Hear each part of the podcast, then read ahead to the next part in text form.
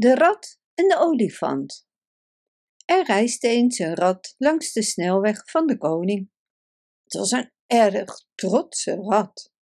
Zeker gezien zijn kleine formaat en de slechte reputatie die alle ratten hebben. Terwijl meneer Rat verder liep, hij bleef meestal bij de sloot, zag hij dat het erg druk was op de weg. Er kwam een grote stoet in zicht. Het was de koning met zijn gevolg. De koning reed op een enorme olifant, versierd met de meest prachtige attributen.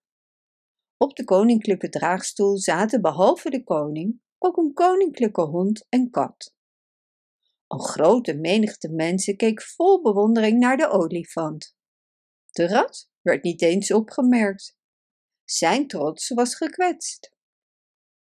Wat een dwaze, jammerde hij. Kijk naar mij, dan zul je die onhandige olifant snel vergeten. Maakt hij zo'n indruk omdat hij zo groot en rimpelig is? Nou, ik heb ook oren, ogen en net zoveel poten als hij.